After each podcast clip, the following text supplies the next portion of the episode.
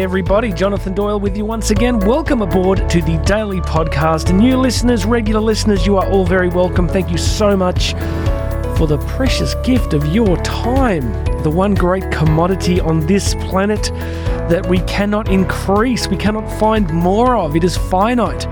So we've got to make the absolute best use of the time we have. And I respect your time, I value your time. But let me take a tiny moment of your time to say, please subscribe, hit that subscribe button. There are a whole bunch of links under here. I want you to go check those out. You can get a free copy of my book. You can book me to speak live to all my European listeners, United Kingdom. Uh, reach out and say hi because I'm going to hopefully be speaking in the UK in November. So if you would like me to come and work with your school, your organization, your business, reach out and uh, say hi because I don't get over there as often as I'd like in these last few years. So there's a chance to uh, to come and work with you over there. That would be great. So check that out. There is a whole bunch of other links. You can click across to the YouTube channel. You can uh, go and check out the link to Karen's masterclass. She does this amazing online masterclass for women, uh, for women all around the world. It's a fantastic program. So please go check that out. Now, I'm going to jump into a listener question in just a second. Before I do that, I am often asked a couple of interesting questions about reading. One is people ask me what I'm currently reading, because regular listeners know I'm a voracious reader. I think for me, heaven will kind of be like a, a very, very large library. I just get to sit in a big, comfy chair for like several thousand years at a time and just read. Uh, it's been raining here so much. It's kind of great indoor weather. I've been powering through so many books. So people often ask me what I'm reading, and uh, and the other question I get asked is how do I manage to read so much? And I think it's kind of related to the uh, listener question that I'm going to answer today. I think I make it something that's just a bit of a non-negotiable for me. I try and build a bit of my life around it. But look, just quickly, what I'm reading, I just finished a book called Build. Build an Unorthodox Guide to Making Things Worth Making. It's from a guy called Tony Fadell uh, F A D E L L. It's a big book and uh, powered through it. Really interesting guy. He worked with Steve Jobs very closely. He's a pretty famous Silicon Valley entrepreneur. And it was just a great book about, you know, really entrepreneurial spirit, building something from the ground up. So I took a lot out of that. Uh, just about to finish. I've got about 10 pages left of another book uh, by, it's in, I think it's a first book by Madeline Popelka and it's called You're Going to Be Okay 16 Lessons on Healing After Trauma. You're Going to Be Okay by Madeline Popelka. Um, great book, a really good summary of dealing with PTSD and uh, bouncing back from trauma. So I've almost finished that. It's just a really good, holistic covering of the personal journey of PTSD and the kind of steps that people can take to, to grow and to heal through it. And the third book I am reading just about to finish is uh, it's just brilliant. It's one of my little quirks of personality. It's called The Lords of Easy Money. Um, it's a book on the internal dynamics of the US Federal Reserve banking system, which, of course, I know is relevant for all of you. And you're all thinking to yourselves, where can I get a copy? Uh, it's by Christopher Leonard. Uh, my other hat is being involved with global macro finance and uh, and central banking theory. And so, The Lords of Easy Money is a fantastic investigative exploration of what actually goes on in the global banking system. Let me just say this you don't want to know what's going on. If your head is in the sand, I humbly suggest you keep it right there because it's just not pretty. Um, I think I'll be doing more work on that space in the years ahead. I care deeply about people coming to understand the way things actually are rather than the way things are often presented to us. But uh, they're the three books I'm reading at the moment. I'm thinking I might try and get Madeline onto the show and just uh, share some of her experiences and some of her story that we can all learn from. Uh, so, what else? The other thing I wanted to talk to you about was just two other things that I'm doing on a regular daily basis that you may be interested in. You all know that I have a really strong daily routine. Have a really strong, you know, commitment to physical fitness and, and training and all that sort of stuff. Uh, recently, I, have been trialing uh, Athletic Greens AG1. So you can find Athletic Greens on the internet. Uh, it's a New Zealand company. And so basically, you just take this small amount of powder in water each morning.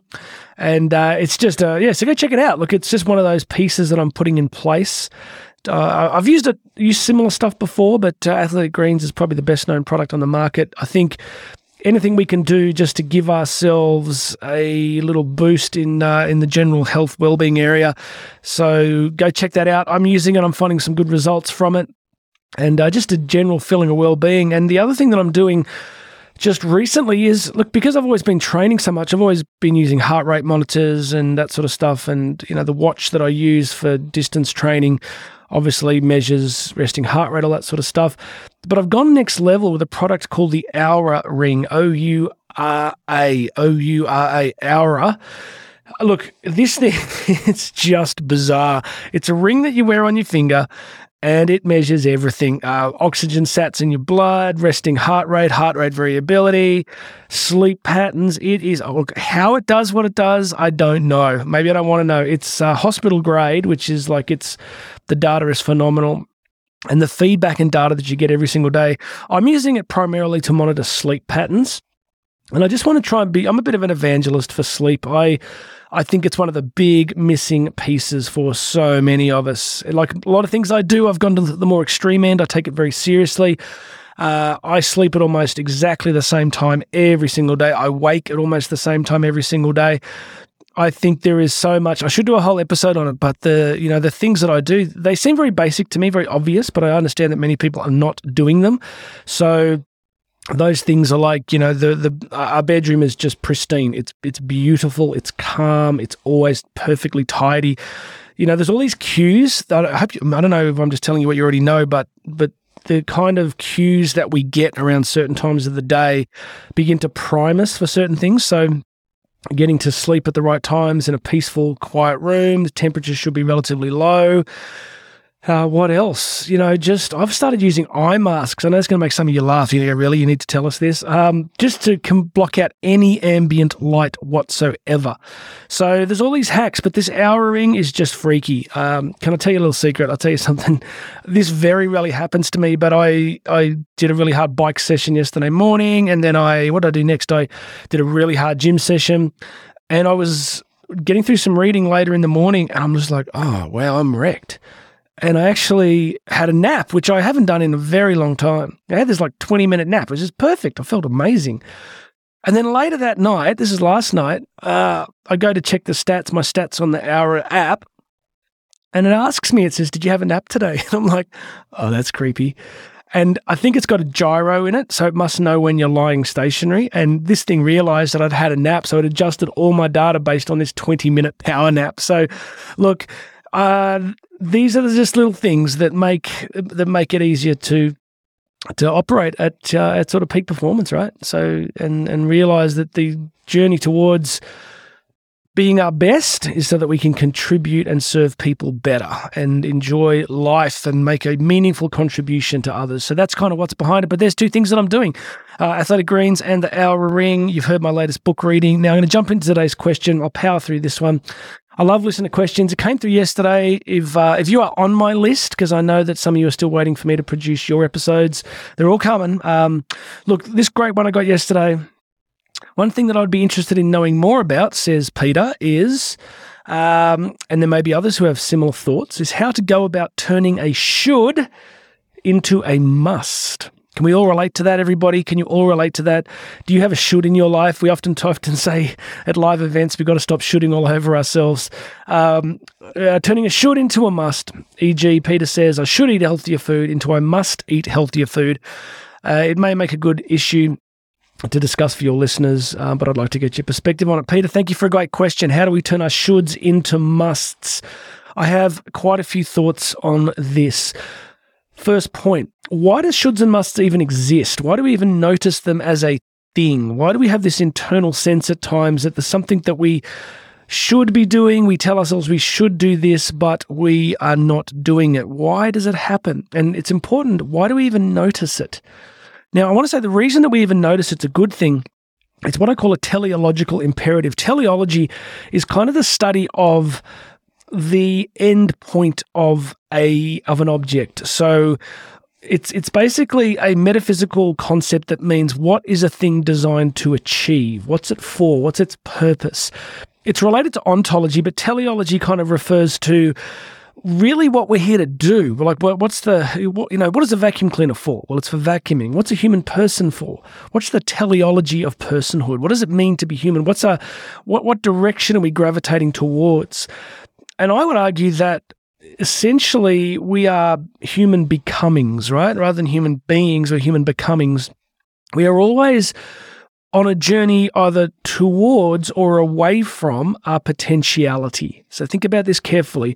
The only reason shoulds and musts can exist is because we have this interior sense that there is another possible level of reality we could be experiencing, right? So when Peter gives this example here of eating healthier food, the only reason we can, you know, have that idea of we should eat healthier food is because we have a sense that there's something we're doing that isn't serving us. So this is a good thing. So whenever, so think about it right now. What are the shoulds in your life? What are the things that you tell yourself you should do more of? For me, it's like I should read more. I mean, I read lots, but I'm like, oh, I really should read more. So how do you turn it into a must? How do you turn it into a must? So the first thing I want to suggest practically and Peter's kind of suggested this in the question itself, is you got to recognize the gap. So you got to get conscious about the gap. How many times have you heard me say that word conscious? Like so many times in this journey of personal development growth, the issue is a lack of consciousness. We we sort of vaguely understand that we want something, but we're not quite sure what it is, and it gnaws away at us, and it probably increases our stress levels, but we don't actually get on it. So you got to recognize the gap. You got to go, well, why do I want to eat healthier food? Well, it's because if I eat healthier food, I'll feel better, I'll look better, I'll feel better about myself and where I'm where I'm at in the world and what I'm doing, and, and it'll be good for my family to see it, and uh, I'll just feel better. I'll I'll have less self criticism, and I'll feel more confident. So we've got to see that there's a gap. There's a gap between the person you are now and the person you could be. So how do we close that gap? I mean, it's why my first book was called Bridging the Gap, right? It is based on this idea of how do we bridge that gap. So let's dig deeper. Uh, why do we not close this gap? Why do we not turn shoulds into musts? I would point to the scholastic philosopher Frederick of Ockham, who famously gave us the metaphysical hermeneutic of Occam's razor, the metaphysical principle of Occam's razor. So, Occam's razor is this idea that uh, the philosophical principles. How do you deal with a complex issue? And uh, you know, Frederick of Ockham basically gave us this idea that the simplest solution to a complex problem is almost always the correct one that the simplest solution to a complex problem is almost always the correct one. It's a very helpful philosophical principle, principle because so often we get tied up in the complexity. You know, why don't I turn this should into my, why don't I do this? Go for the simplest possible explanation. That's the genius idea that um, Frederick of Ockham gave us. And I'm going to say there's two reasons why we're not turning shoulds into musts. One is because you have not associated enough pain to where you currently are. Or two, you haven't associated enough potential pleasure or enough potential upside to it becoming a must. So, what this means is if you're stuck with a should, that isn't a must, it's because you have not associated enough pain to staying where you are. So I think this was where, you know, Freud kind of got this correct. I think Freud was pretty correct when he said that, you know, the two motivating forces of the human experience are avoidance of pain and the pursuit of pleasure. Now, I think he took that in some incorrect directions, but fundamentally it, can be helpful. So why don't we turn should to a must? Because we're not in enough pain we're not in enough pain. I used to say on stage regularly, I'd say, you know, that you don't make kidney dialysis an option, right? So I had a friend once who was on kidney dialysis, you know, I think it was twice a day. And that's not that's not optional. That's not a should. He, he doesn't wake up in the morning saying, you know, I, saying I should get dialysis today. He he it's it's a must. And if you think about why does he go to get dialysis each day? Well, think about it carefully. There's two things working simultaneously. One is he has associated a great deal of pain to not making it a must. What's the pain? Well, he'll die. And his family will be without him. So there's a lot of pain in that area. But then there's also the upside, which is what? He gets to live, he gets to live longer, he gets to be alive with his family. So you can see these two forces coalescing. And this is an extreme example, right? So we've just got to take that principle that there's either not enough pain or that we don't we haven't sort of clarified enough of an upside. So let's go with Peter's actual example of I should eat healthier. Why are you not eating healthier? Well, I would suggest we could look at some small details like it's it's inconvenient, it's there's too many things to do, organize, but really the reason that it, the, that we're not moving from a should eat healthier to a must eat healthier is there's not enough pain there's discomfort. They might be like, well, I'm, you know, I'm, might be, you might say I'm five kilos overweight or 10 kilos overweight and I could change it if I just did this, but you're not in enough pain. Like if you were like eating so terribly that you were seriously unwell and your life was at risk, then you'd have enough pain. So, and you know, it doesn't have to be real terrible pain. We can just begin to think, well, you know, what if I don't change this? So this is the actual uh, practical part. You know, get your journal out, think of something that you're trying to turn into a must and go, if I do nothing, write that question. If I do nothing, what is the trajectory of this? What is going to happen? Now, that trajectory can be anywhere from your life's just going to continue the way it is and nothing's going to change and you're going to be stuck in this particular place forever. Or what if it gets worse? Well, if it gets worse, I'm going to get sick. Or I could maybe, you know, my family could be without me years before it was necessary for me to, to, to for my life to draw to a close. So we have to get conscious about the potential pain of doing nothing. We have to really feel it, identify it, articulate it to ourselves. If I do nothing, where is this going to take me? If I continue to just have a should that never becomes a must, where is this going to take me? And then you can apply the same principle to the upside. You go, right, if I act on this, if I turn this should into a must, what am I going to get? What are going to be the benefits? Write them down. I'm going to get this, I'm going to get this, I'm going to get this. And the last thing I want to offer you is uh, you know, Carol Oettingen's WOOP goal setting strategy. Now, if you go back through the episodes, I think I just looked at it before, it was somewhere around episode, if you go to season six, episodes, excuse me, episodes 48, 49, 50, 51, I did a four part series on WOOP goal setting. So that is wish. What is it that I want to be different? What am I wishing for? Then you identify the outcome. If I get my wish, what will I experience? What will be the outcome of that? Then you identify the obstacles.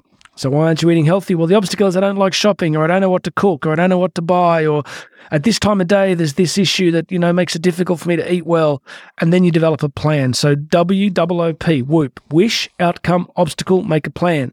Okay, so summary. Why do we not make shoulds musts?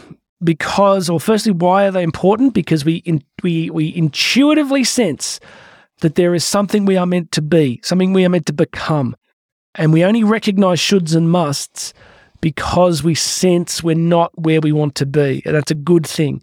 Why don't we change? Because we've either we either haven't associated enough pain to staying where we are, or we haven't associated enough pleasure to the change. So you work in those two areas, work around those two principles of pleasure and pain. Go and check out the episodes on WOOP goal setting. Identify your wish, look at the outcome that you will gain from achieving your wish, identify the obstacles, and then get to a plan. Those things could be helpful. Look, I hope that's useful to everybody. I can do these things in live seminars, so uh, reach out if you'd like me to come and speak live at your business, at your conference. It's all there. Go check out the other show notes. Uh, reach out anytime you want to suggest a topic. Uh, just go to the website, jonathandoyle.co.co, and there's a contact page there. Shoot me an email. Let me know what topics you want me to cover. All right, friends, we're heading into the weekend now. It's going to be another wet, miserable, rainy one here in Australia, but that's okay. I've got a indoor training bike where I can still do ridiculous things. I hope you're still going to uh, get active over the weekend. You know, I always say if you're only walking to your letterbox, then just walk to your letterbox twice. It's all relative, friends. Just get yourself moving, get yourself active, shut these gaps between your shoulds and your must. The more you do this, the more your life improves and the more that you are a blessing and a joy to other people. So let's get some skin in the game. Please make sure you've subscribed. Go and check out the show notes. Go check out those links. My name's Jonathan Doyle, and I'll have another message for you tomorrow.